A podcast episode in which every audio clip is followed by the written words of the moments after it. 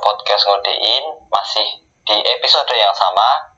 Uh, kali ini part 2 pembahasan kita akan lebih uh, spesifik pada uh, bagaimana dunia perkuliahan. Maksudnya uh, bagaimana Mas Bintang ini dulunya kuliah terkhusus di ISI Surakarta. Apa-apa saja yang uh, Mas Bintang pernah alami, pernah lakukan atau kegiatan yang pernah diikutin seperti itu. Uh, baik, uh, langsung saja kita ke pertanyaan. Uh, Mas Bintang. Halo. Halo Daru. Ya. Mana? Halo. Uh, begini. Uh, dulu Mas Bintang kuliah uh, orangnya tipe orang yang bagaimana? Maksudnya uh, aktif organisasi kah atau yang kupu-kupu kuliah pulang atau yang ikut organisasi tapi biasa-biasa aja nggak nggak begitu mencolok gitu atau gimana? Ih, kalau aku sendiri sih ketika masa kuliah itu ya anggap aja sebagai kura-kura kan ada kupu-kupu tuh kuliah pulang Iya. kuliah pulang Oh, kura-kura apa mas? kura itu kuliah rapat kuliah rapat nah Waduh. Oh, gitu iya. apa? rapatnya rap, rapat eh ya nggak bisa dibilang aktif juga rapatnya rapat nggak jelas semua kok Rapatnya ya tentang itulah apa nih mas? kalau dinamika kampus seperti itu sih jadi nggak cuma sekedar kuliah doang terus pulang seperti kebanyakan orang-orang nggak ya ada ada kalanya kita juga aku juga kadang ikut organisasi ikut berkecimpung di organisasi beberapa dan itu juga membutuhkan semacam diskusi sharing nah, kalau nggak meeting rapat itu kan sih tuh Terus kalau eh eh, kalau lagi nugas gitu, mas itu yang mepet-mepet deadline atau yang eh langsung ada setiap habis ada tug- ada tugas dikasih tugas nih langsung kerjain atau tergantung dosen gimana tuh mas? Kalau dulu sih aku hobinya orang yang suka mepet-mepet ya seperti kebanyakan teman-teman IDI teman-temanku juga ya. Ibaratnya kalau ngerjain tugas mepet itu semacam kita itu cepat banget menemukan ide. Nah, kan kreativitas itu benar-benar muncul ketika berada di detik-detik akhir. Nah, itu sih. Jadi eh, ketika diberi tugas oleh dosen tuh di awal itu emang sengaja nggak dikerjain cepet-cepet jadi ngerjainnya agak kalem santai Hmm. sekalian biasanya kalau aku gitu aku sambil buat tadi buat kura-kura tadi kuliah rapat kuliah rapat rapat rapat tugas rapat rapat macam-macam nggak jelas gitulah yang penting bisa aktif berkecimpung gitu aja. Jadi ya nggak serta merta langsung dikerjain sok rajin enggak enggak juga kok. Aku tipenya sama kayak teman-temanku yang lain juga satu angkatan. Santai kerjainnya nanti pas deadline terakhir baru cepet-cepet dikumpulin gitu. Itu sih. Sama kalian juga berdua gitu juga. Ini awal-awal masa kuliah udah pada rajin nih udah pada rajin semangat atau masih santai-santai ah nanti gitu atau gimana Siapa dulu nih? Dari dulu lah. Mbak Diva dulu. daru daru dulu aja deh Ya, ya udah. daru Ya udah. Eh, awal-awal semester 1 itu hmm, mungkin terbilang masih sebenarnya bukan karena rajin ya, tapi karena emang tugasnya yang tergolong masih ringan gitu awal-awal. Jadi kayak cepet aja gitu. Mungkin Hamin satu itu dikerjain itu aja masih ada waktu luang gitu loh, saking mungkin saking masih awalnya gitu. Kalau makin ya. ke sini mak ya makin ke sini makin ke sini eh, kan mulai mulai tugasnya mulai mulai eh, ada ada rintangan gitu tantangannya lah itu kalau aku sendiri ngerjainnya eh, tergantung waktu sih kalau ada waktu ya tak kerjain cuman ya prioritas deadline mana yang lebih mepet dulu itu sih Oh, tuh ya berarti sama aja ya. ya. apa Tapi aku lebih Mbak? lebih mepet-mepet sih soalnya aku itu orangnya eh, kalau ada tugas kayak gambar dan lain-lain aku udah mikirin dulu kayak konsepnya nanti kayak gimana terus eh, bakal buatnya kayak gimana terus waktu aku ngerjain itu pasti udah mepet-mepet tapi aku udah tahu mau ngapain gitu. Jadi nggak bingung dari awal udah udah aku pikirin semua ya udah aku planning semua terus biarpun mepet tetap bisa jadi gitu. Keren sih. Oke. terus menata berarti kalian udah udah bisa menata lah ibaratnya kan. Walaupun di Iya. awal-awal juga bisa menata itu udah bagus sih. Tinggal di apa namanya dikonsistenkan aja itu sampai akhir kalau bisa seperti itu. Biar nggak kelabakan di akhir gitu. cuma nanti kalau udah di dunia kerja yang namanya mepet mepet deadline itu wajar. Dan itu harus bisa kalian terima harus mulai latihan juga sih. Kerja mepet mepet deadline. Hmm, Oke. soalnya idenya lebih banyak masuk ke waktu akhir-akhir gitu loh mas. Hmm, sama. Biasanya gitu itu kalau mas Target itu dulu biasanya di akhir dadakan ya, secara nggak langsung melatih kita juga sih itu semenjak kuliah. Bisa mepet-mepet deadline itu. Kalau mas dulu waktu itu eh, KRS ambil KRS itu masih ada jadwal sendiri atau eh, atau pilih pilih sendiri gitu mas? Ditentuin dari kampus atau milih sendiri sih dulu waktu ambil jadwal matkulnya. Kalau ambil jadwal matkul itu emang ada eh, tenggang waktu dari kampus dikasih misalkan waktunya sekitar hampir dua minggu sih kalau itu seingatku. Cuma ya itu milih sendiri sih semua dari mata kuliah maksudnya eh, dosen ya dosen yang mengampu mata kuliah terus pemilihan hari waktu jadwal mata kuliah itu milih sendiri semua. Tapi SKS sudah ditentukan dari kampus. Kita Hmm. ketika semester misalkan semester katakanlah semester pertama semester awal itu ada mata kuliah umum ya udah itu yang kita ambil. Nah sekarang kita tinggal milih tadi milih dosennya dan juga milih waktu perkuliahannya mau di hari apa itu bebas. Itu. Oh dulu masih milih berubah ya? milih hari ya? Sama aja ya? Dulu berarti ada milih bisa milih hari gitu mas? Atau kalau sekarang kan kayak kita ambil terus tapi udah ada jadwalnya sih hari apa jam berapa kelasnya apa gitu. Iya, Oh, kita iya. cuma milih dosen aja.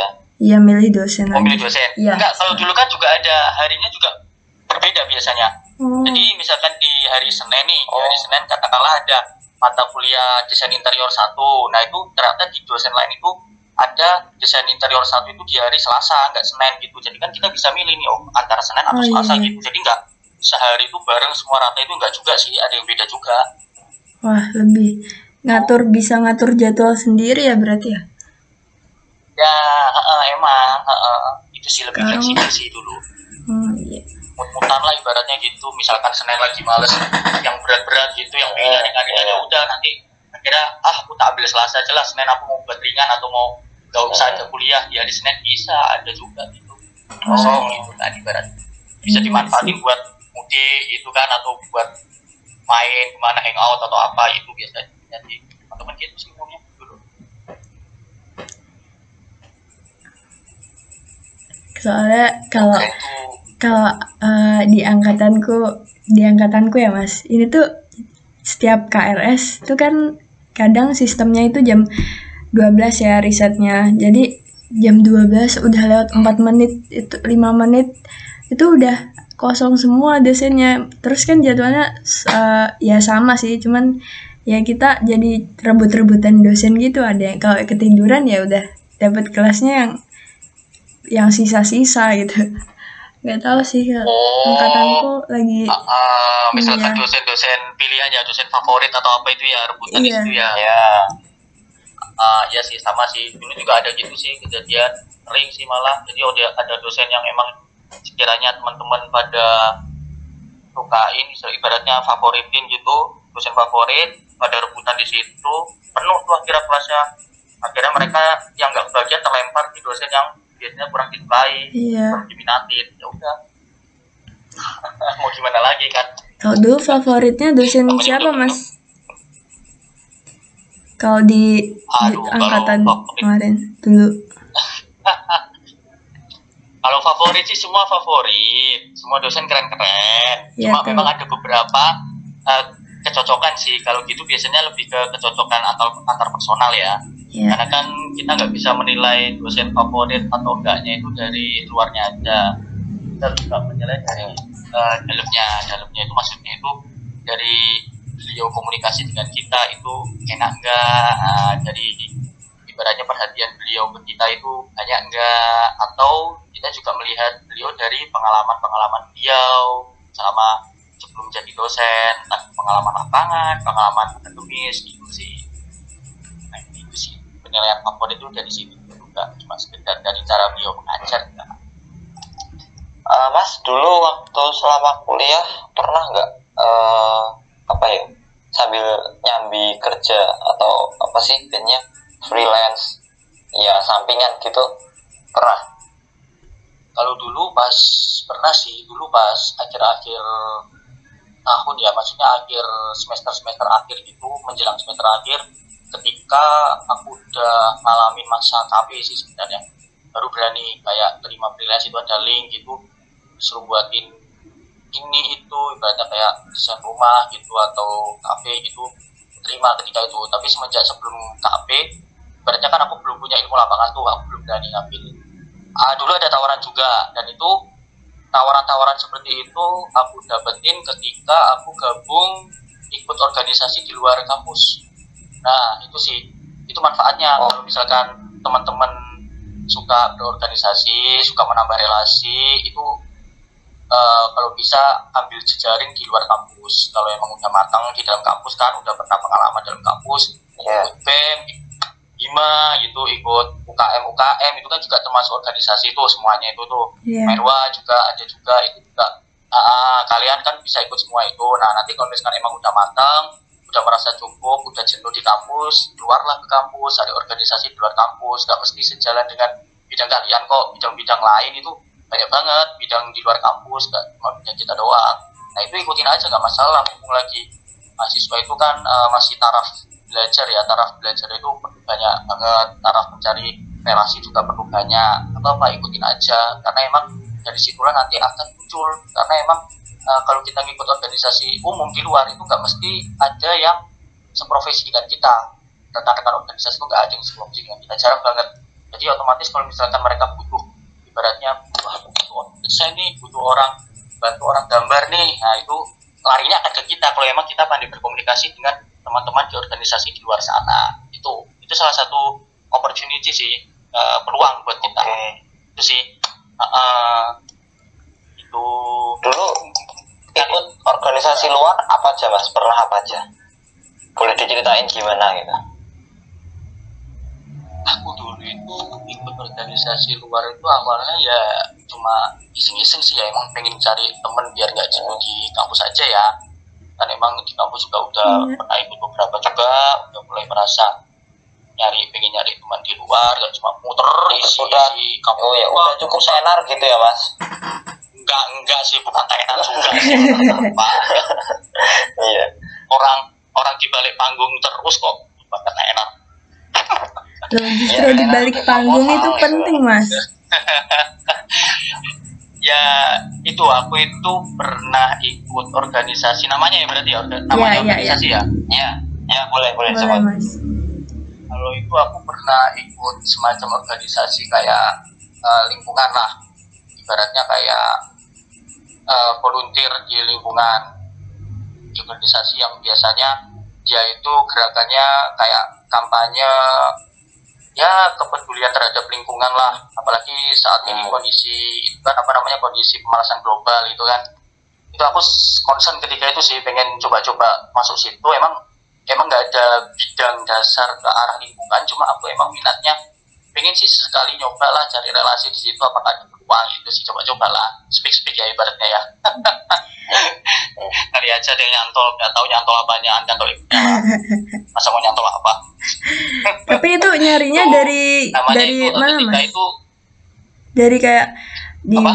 carinya di online atau ada bareng temen atau dari siapa awal bisa ikut ke organisasi Oh. itu? tuh diajak temen Oh, diajak sama temen kebetulan aku juga ada teman-teman anak WNS itu kan WMS iya. satu dua.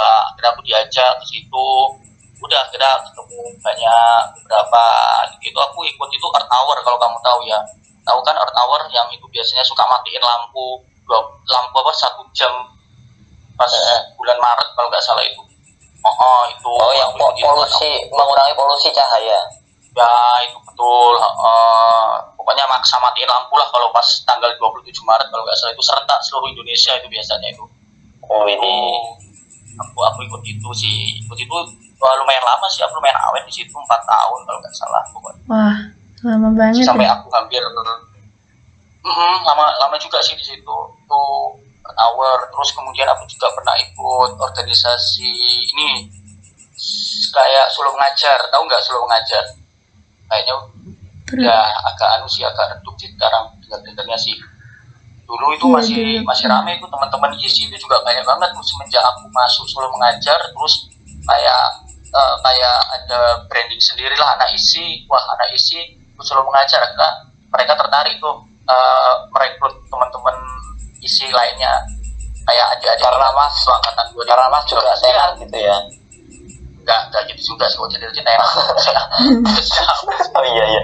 Iya iya. Nah, kayaknya tuh mas juga. tuh kalau enggak kayaknya tuh mas masnya itu kalau eh, mengambil suatu langkah itu kok punya pengaruh di lingkungan sekitar gitu loh. Jadi kayaknya tuh luar biasa sekali Salut ya. pengaruh apa sih.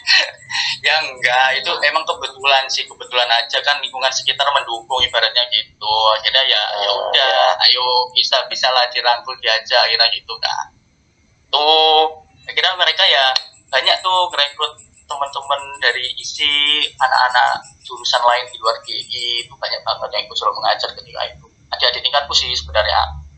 Tuh di situ juga emang kita kalau solo mengajar itu lebih ke sistemnya kayak mengajar eh, anak-anak SD SMP itu kan di di kota Surakarta itu sendiri. Itu kan jadi tiap-tiap kecamatan itu punya taman cerdas di kota di kota Solo ya.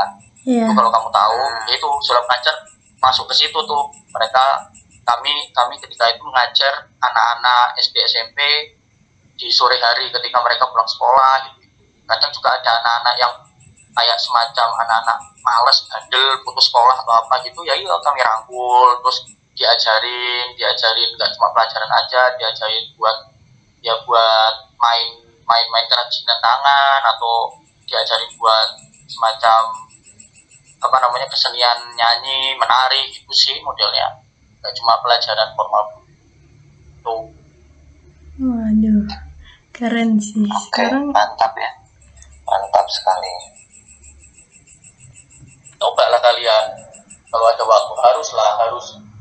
Kalau ada waktu buat nyoba-nyoba gitu. Nggak apa-apa.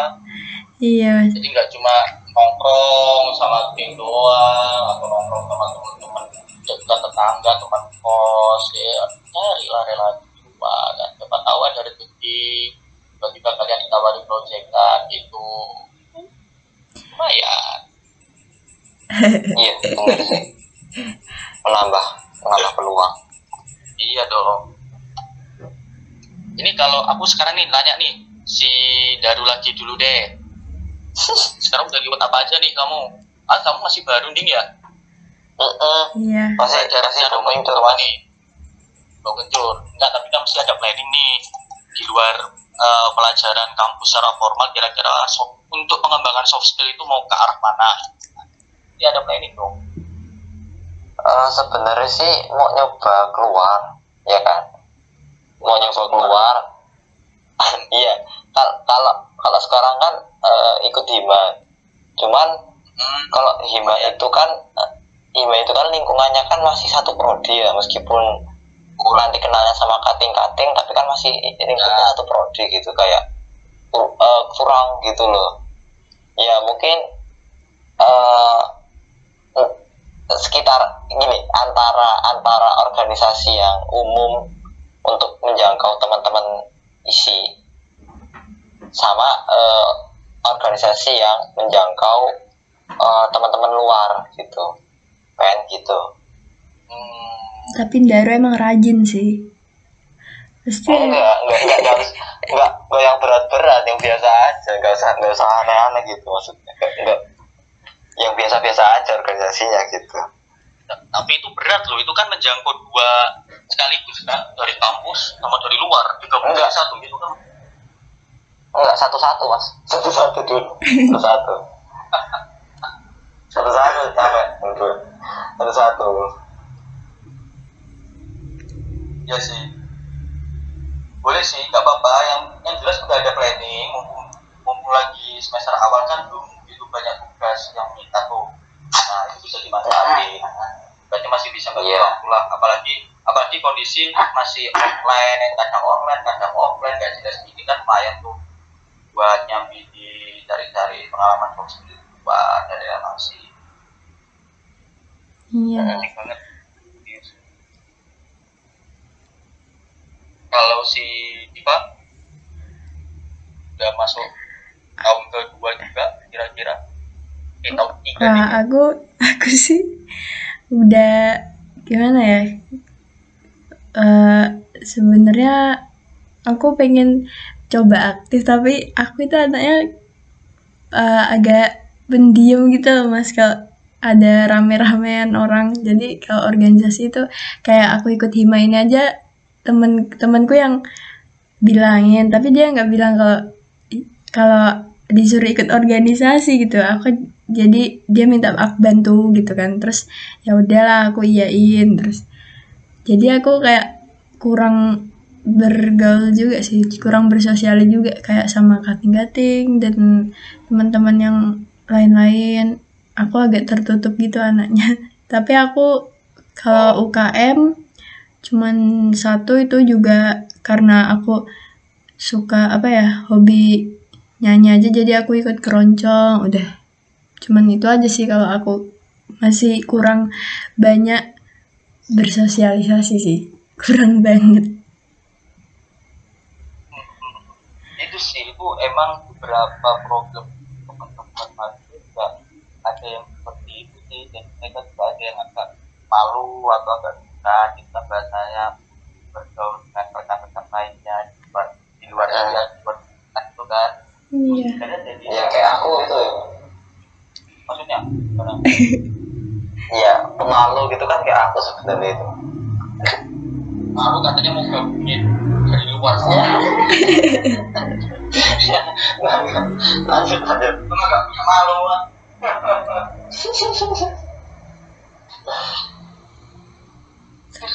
coba eh, mulai dari hal-hal kecil aja sih. Kalau aku sih buat Diva dan teman-teman mungkin yang masih agak malu-malu agak segan juga paling nggak kalau kamu emang masih takut buat melangkah lebih jauh ya itu tadi. Paling nggak di Hima dulu aja deh.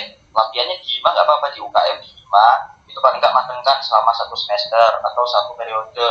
Periode biasa satu tahun. Hmm. kalau emang udah mateng udah aktif aktif itu aktif itu nggak serta merta kita cari muka cari tambang. Di situ enggak aktif itu bukan seperti itu bahasanya. Ah, ah, serius deh. Aktif di organisasi itu bukan sekedar cari tambang doang tapi kita ada peran di situ walaupun itu sekalipun perannya di balik panggung di belakang layar itu salah satu mencirikan kita aktif kalau emang kita udah ada kinerja portofolio yang baik walaupun kita nggak serta merta terlihat terpampang di depan yang kita udah bisa membantu teman-teman udah bisa merasakan kehadiran dan manfaat kita di situ udah kita udah dapat portofolio bagus tuh di organisasi tersebut. Nah otomatis kalau kita udah ada seperti itu rasa percaya diri itu akan timbul. Eh, sekaligus juga kemampuan kita berkomunikasi kemampuan kita public speaking itu akan meningkat dengan sendirinya kalau kita udah ikut organisasi seperti itu. Jujur aku dulu orangnya ketika sebelum kuliah atau awal kuliah atau pas masa SMA itu aku juga gak bisa ngomong aku juga malu. Eh, sama? umum Masa sih, Mas? serius. Tapi Ikut sekarang organisasi ini aku jadi diem doang. Datang diem gitu misalkan rapat itu datang datang paling telat di belakang dekat pintu gitu kan pokoknya nanti kalau udah selesai kelar rapat langsung keluar cepet-cepetan. Gitu jadi gak nyampe oh, ngobrol lama gitu. Enggak. Tapi sekarang kan gara-gara ikut ini itu ini itu coba lah. Kira-kira pasang muka muka tembok ya ibaratnya ya. Pasang muka tembok rasa malunya dihilangin dulu sementara. Nah akhirnya lama-lamaan bisa biasa.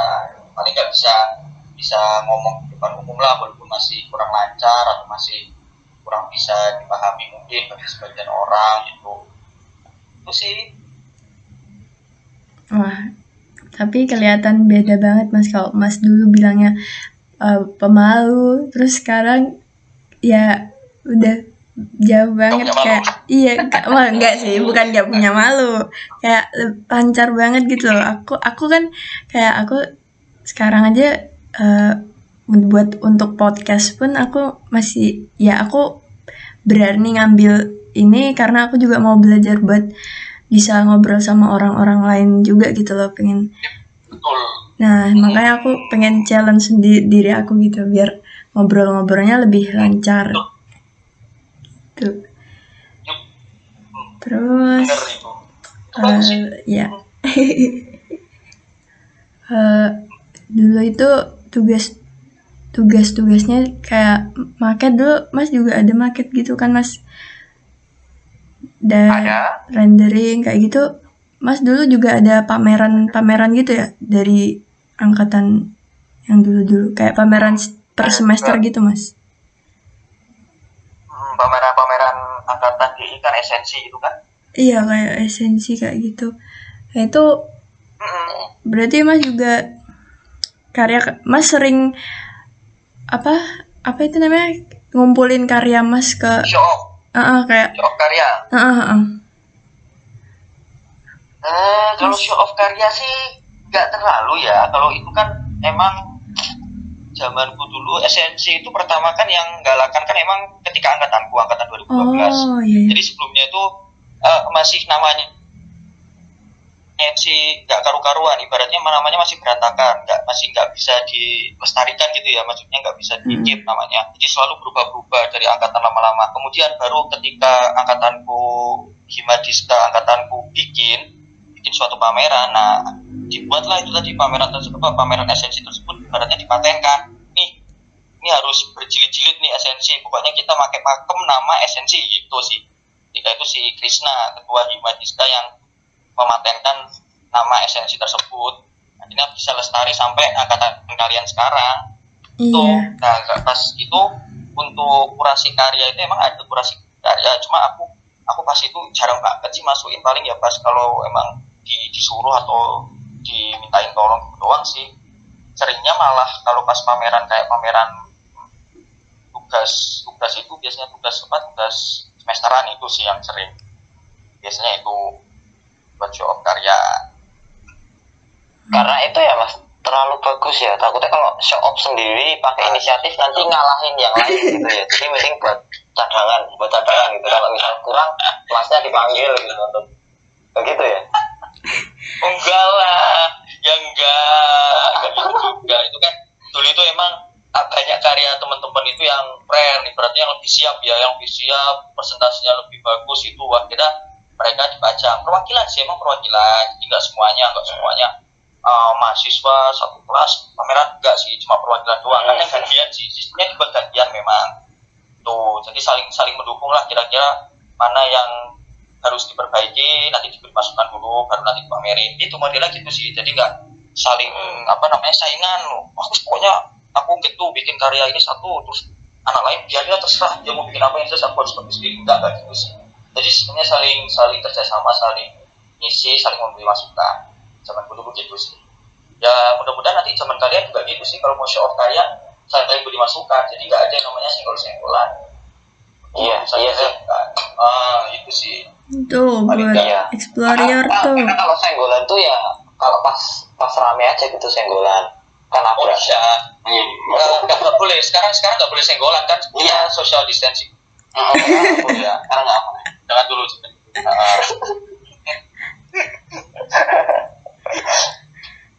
Terus eh, ngomongin balik ke organisasi lagi nih mas. Tadi itu ada tambahan lagi nggak mas organisasi lain yang kayak kemarin kita ngobrol-ngobrol tentang itu kan yang himpunan mebel itu itu ceritanya oh gimana iya mas? iya HMDE HDMI ya.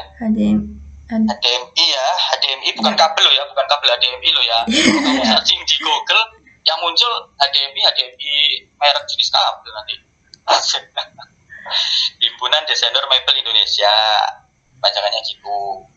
Ya itu sih awal mulanya HDMI itu terbentuknya 2010 itu yang dibentuk di Jakarta oleh teman-teman desainer ketika itu desainer mebel emang ya yang bentuk desainer mebel juga para uh, akademisi juga di Jakarta membentuk HDMI 2000, di tahun 2010 kemudian uh, di Solo itu aku juga agak lupa sih ketika itu tahun berapa ya kalau nggak salah tahun 2015 apa ya itu dibentuk di Solo hmm. nah itu ketika pembentukan itu yang menginisiasi pembentukan HDMI Solo itu kakak tingkat kalian, kakak tingkatku juga, anak-anak teman-teman 2010 itu namanya Mas Mas Arif, ada Mbak Aini juga, itu kakak tingkat kalian 2010 itu mereka-mereka yang menginisiasi terbentuknya HDMI di Kota Solo.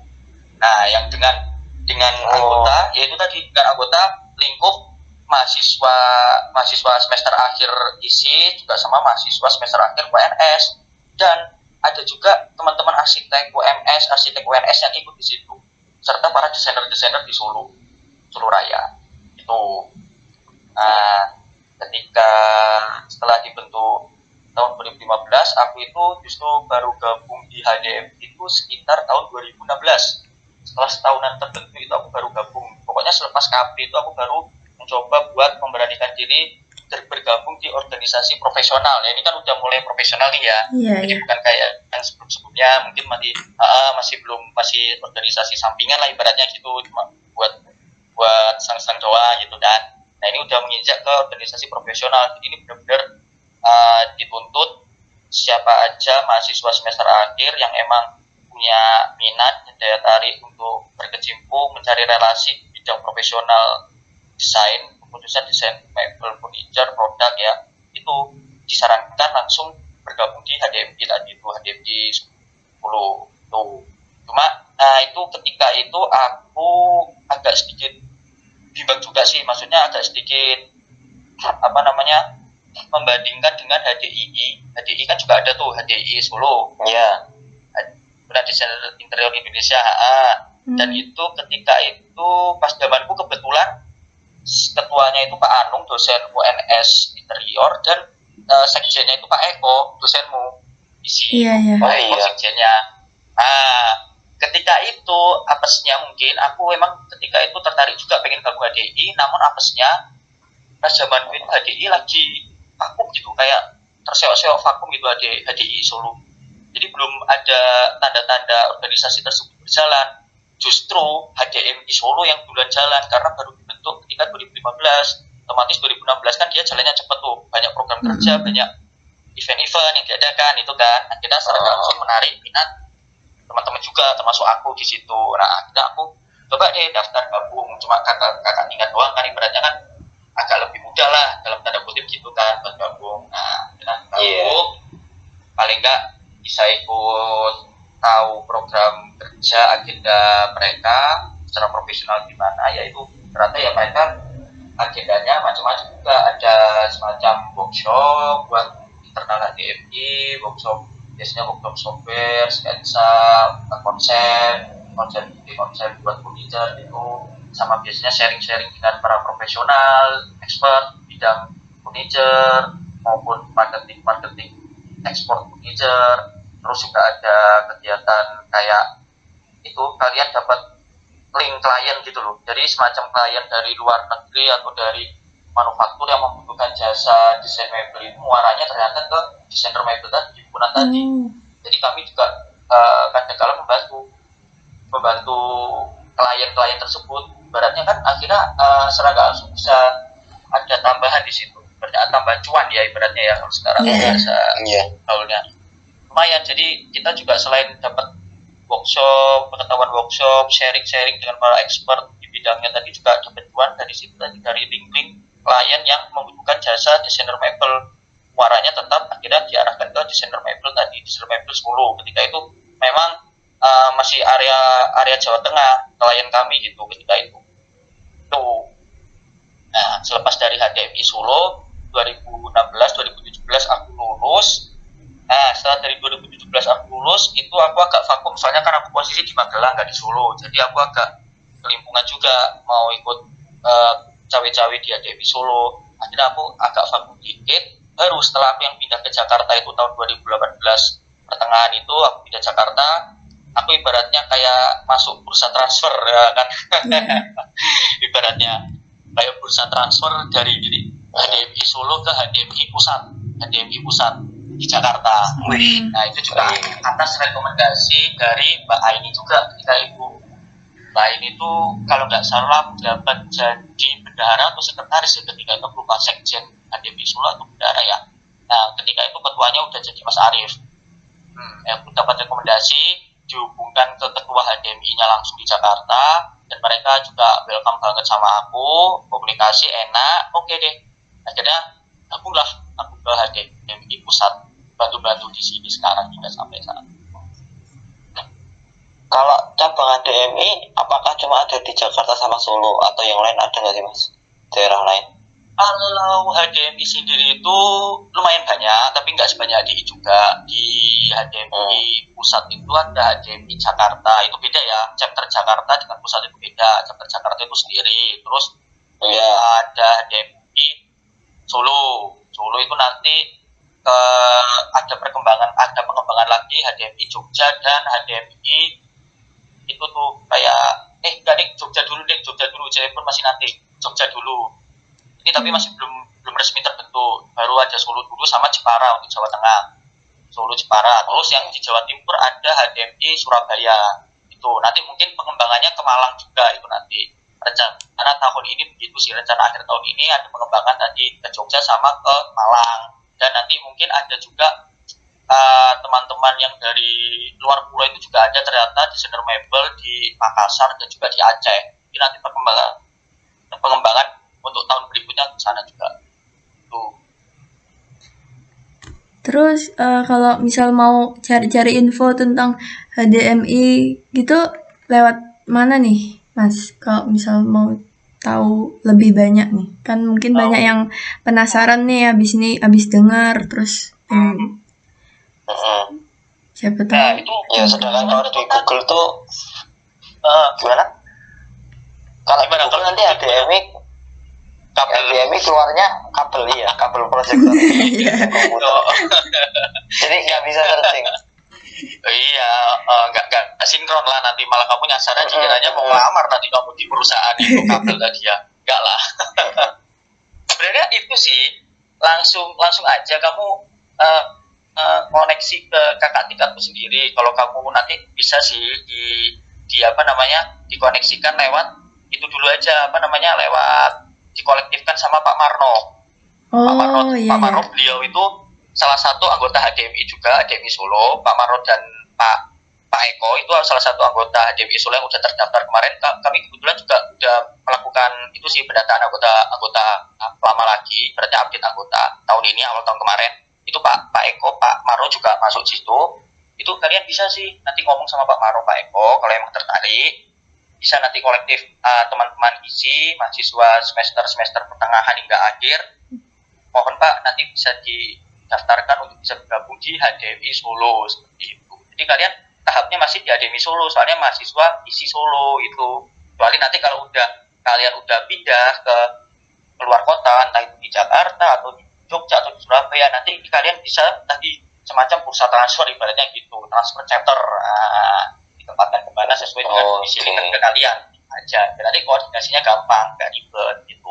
Wah menarik sih mas. Soalnya aku juga semester ini baru ada itu kan mebel terus kebetulan dapat Hmm. Pak Marno Pak Marno juga jadi ntar bisa Wah iya pas banget. Hmm.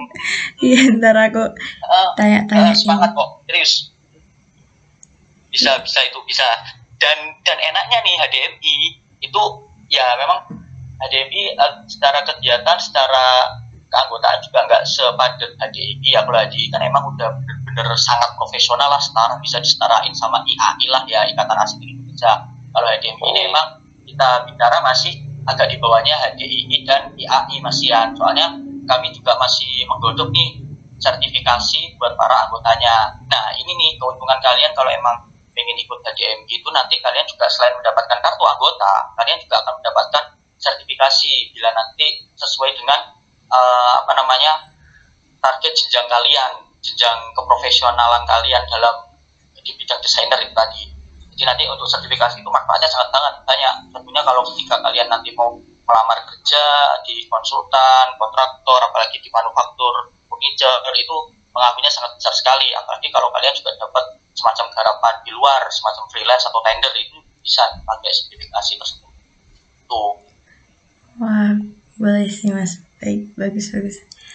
Terus kalau gitu eh, ada terakhir nih mas, ke- kesan pesan buat ya anak-anak jurusan desain interior yang sekarang nih, apa menurut mas kayak atau ada motivasi kah atau saran Iya. dan lain-lain buat penutup mungkin nih? sama itu mas tambahan untuk evaluasi isi Surakarta itu mas yang kira-kira eh, mas dulu alamin masih bukan evaluasi sih ya apa ya? Bukan evaluasi. Eh, apa semacam- asesor? evaluasi iya. Semacam eh, semacam apa ya? Kalau Ya, saran saran lah. gitu loh mas untuk Nah. perbaikan eh, perbaikan eh, saran aja sistem- kali. sistem. iya evaluasi lah. Kayak apa aja. Iya. ya. Maksudnya itu mas. Saran gitu kira-kira. Buat mahasiswa dan isi dulu Surakarta ya nah, ya kalau buat kalau buat kampus sih terutama bidang interior nih kan kalian masih eh, akreditasi kan juga masih B ya kalau nggak Iya, salah iya, ya iya. ya akreditasinya masih B nah kampus sedangkan kampusmu udah nah, ya, kampus juga masih B sih sebenarnya secara umum masih B juga semuanya. Nah itu paling enggak kalau buat kampus isi Surakarta sendiri ya paling enggak ayo dong naikin tuh levelnya jadi akreditasi A. Soalnya apa? Di dunia kerja itu juga ternyata kampus itu eh, di- benar-benar dipandang sih oleh perusahaan karena emang perusahaan itu biasanya lebih mencari eh, calon-calon karyawan yang berasal dari kampus akreditasi A atau enggak dari jurusan yang akreditasinya A itu kalau perusahaan-perusasahaan gede ya mentereng ya maksudnya ya Iya, iya. Hmm. uh, kayak BUMN gitu-gitu rata-rata emang yang dicari akreditasi A minimal banyak kan seperti itu Hmm. nah makanya kalau emang emang kampus emang benar-benar udah mampu buat beranjak ke akreditasi A ya ayo digenjot gitu kan ibaratnya gitu. Itu buat buat kampus ya maksudnya aku juga nggak tahu problemnya selama ini apa kok agak agak terhambat gitu. Itu padahal udah semenjak zamanku sih udah mulai sertifikasi jenjang ke A akreditasi A itu udah mulai sejak zamanku tapi sampai sekarang kok kayaknya masih B ya belum ke A itu sih. Karena emang penting banget itu buat kalian sendiri soalnya itu bukan buat aku tapi buat kalian yang besok akan terjun di itu paling enggak ada bekal nanti. Bekal kampus dan jurusan dapat akreditasi A dari asesor dan BT itu Oke. kampus itu ya Kalau buat Iya. itu mas sama ya desain sama ada jurusan lagi sih bentar ini Apa-apa? satu lagi sih ada satu lagi yang penting juga buat kampus Eh, kalau eh, biar biar sama-sama enak juga biar ibaratnya mahasiswa mahasiswa teman-teman mahasiswa itu eh, sekiranya dapat ilmu ilmu yang benar-benar apa ya namanya ya ibaratnya ilmu yang benar-benar ilmu lapangan lah ilmu interior yang sebenarnya lah. Itu paling enggak diadain lah kali-kali dari dosen. Ibaratnya mengundang para ya gak cuma para alumni yang jelas para profesional di bidangnya bidang interior furniture mebel itu untuk datang ke kampus. Buat ngajar itu tuh sebagai dosen tamu. Paling enggak di, diagendakan secara rutin lah karena beberapa kampus lain itu udah pada menerapin seperti itu. Jadi saya mereka mengundang para profesional untuk bisa mengajar di kampus dalam waktu beberapa beberapa apa namanya beberapa waktu gitu kan. Iya. supaya karena kan dari dosen-dosen kita sendiri ya jujur aja kan juga kebanyakan memang ada satu dua yang emang dosen-dosen yang paham lapangan seperti apa. Namun juga kebanyakan dosen lainnya juga kurang begitu paham kurang begitu update dunia kerja dunia lapangan seperti apa jadi sangat membantu sekali apabila ada profesional yang turut berkecimpung turut hadir dalam kampus sebagai dosen tamu. Itu sangat berguna bagi teman-teman mahasiswa supaya mereka bisa merasakan langsung gimana sih pengalaman di dunia kerja gimana sih eh, syarat-syarat yang harus dipenuhi ketika kita bekerja di lapangan. Nah itu, itu kira teman-teman mahasiswa pada tahu kan? Kalau udah ada profesional itu sih. Kalau untuk saran untuk kampus. Nah terus untuk saran untuk mahasiswa teman mahasiswa ya itu. Kalau aku kalian coba sih berpikir intinya berpikir out of the box. Itu penting banget. Jadi kalian uh, namanya orang desain orang seni ibaratnya kan kita dituntut untuk kreatif ya. Iya. kreatif dan inovatif. Bagaimana caranya? Itu kita memanfaatkan kreativitas dan ino- inovasi tadi itu dengan cara berpikir off, off the box jangan kalian sekali-kali berpikir secara mainstream ikut arus jangan. Kalian itu punya masing-masing punya potensi. Jelas potensi kalian berbeda-beda dan itu uh, mesti ada keunggulannya masing-masing. Bidang ini bidang itu bidang spesifik bidang kecil bidang gede itu adalah itu potensi dari diri dari diri dari dalam diri kalian itu ada. Nah itu. Cobalah sekali sesekali berpikir out the box. Kalian gak usah ikut arus kalian concern sama passion concern sama kemampuan diri sendiri tingkatkan gak usah malu. Awal dibully wajar tapi nanti kalian akan merasakan dampaknya. Dan yang terpenting kalian apabila udah masuk uh, ke dunia desain interior tolong konsentrasi bidang jangan kalian ambil maksudnya jangan kalian lari tiba-tiba menghilang karena jenuh karena bosan stres.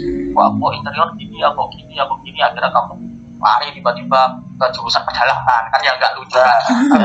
Ya kali ya Jauh, jangan sampai hal itu jangan sampai coba nggak jangan Iya iya iya. jangan Eh, jadi tetap eh, harus konsen di bidang interior. Kalau kalian emang terpaksa ya terpaksa terpaksa kalian aduh aku punya udah nggak kuat nih aku pengen jadi sastrawan kayak temenku kayak temen angkatanku namanya Aji nih. Dia pengen jadi sastrawan. Ya udah kalian nggak apa-apa boleh boleh kok jadi sastrawan jadi eh ibaratnya orang yang nggak serta merta kerja di lu di ruang lingkup desain interior tapi kalian tolong bawa tadi bawa dasar dasar base desain interior kalian itu bawa ke dalam profesi kalian selanjutnya. Misal kamu sastrawan ya udah bawa itu dasar-dasar ilmu desain interior itu bawa, bawa ke dunia sastra. Kamu mau jadi kritikus mau jadi politikus bawa tadi itu namanya dasar-dasar desain interior ke dalam dunia politik. Bisa kok itu emang siapa kamu nggak bisa? Bisa. Selama kalian punya kreativitas punya pemikiran out of the box itu bisa segala kemungkinan bisa terjadi. Itu. Itu. Dan yang terakhir selain itu yang terakhir yang ketiga eh, coba kalian teman-teman mahasiswa kalau yang tadi apa namanya kendalanya seperti Mbak Diva tadi agak sedikit tertutup introvert ya bahasanya ya. Iya iya iya. paling nggak bisa lah belajar untuk membangun soft skill. Soft skill itu ya tadi itu. Soft skill itu untuk membangun komunikasi membangun relasi melalui jalan aktif di organisasi dan semacamnya. Itu sangat penting sekali untuk menambah relasi dan menambah itu tadi kemampuan kita untuk komunikasi public speaking di depan. Itu sangat penting banget. Itu aja sih kalau aku pesannya kepada teman-teman mahasiswa. Oke. Berarti eh, tadi pesannya ada tiga ya berarti untuk berpikir out of the Hmm. box atau eh, mencari sudut pandang yang lain gitu kan yang yang anti mainstream gitu. Kemudian eh, mau ke mana pun kita pergi, maksudnya passion apa pun yang kita bawa besok eh, konsep interior itu konsep desain konsep desainer interior itu tetap dibawa ya, maksudnya jangan dilupakan gitu betul Mm. dan eh, tadi yang terakhir apa tadi Mencoba Soft skill. untuk- oh iya yang terakhir Nah, soft itu. skill ya terkait dengan pengembangan soft skill diri ya Aduh, karena itu Ya makasih banyak ya Mas Bintang udah ngeluarin waktu buat Iya. ngisi di podcast ngodein kita banyak belajar dari Mas Bintang sharing-sharing Nah, tentang aku juga belajar kok sama. Kita juga belajar Iya. sih. Aku juga masih belum jadi expert juga sih. Sama Hmm. belajar lah. ya setidaknya Bukan kita pikiran, tukar pikiran aja sih. Nah, iya benar, saling tukar pikiran gitu. Eh, kalau gitu, teman-teman, eh, untuk podcast ngedein kali ini eh, sampai di sini dulu. Eh, sekali lagi makasih buat Mas Bintang sebagai narasumber. Ya, sama-sama. Iba Daru. Hmm, ya makasih selalu buat kalian dan teman-teman mahasiswa ya. Ya, amin makasih asa. Ya. Siap.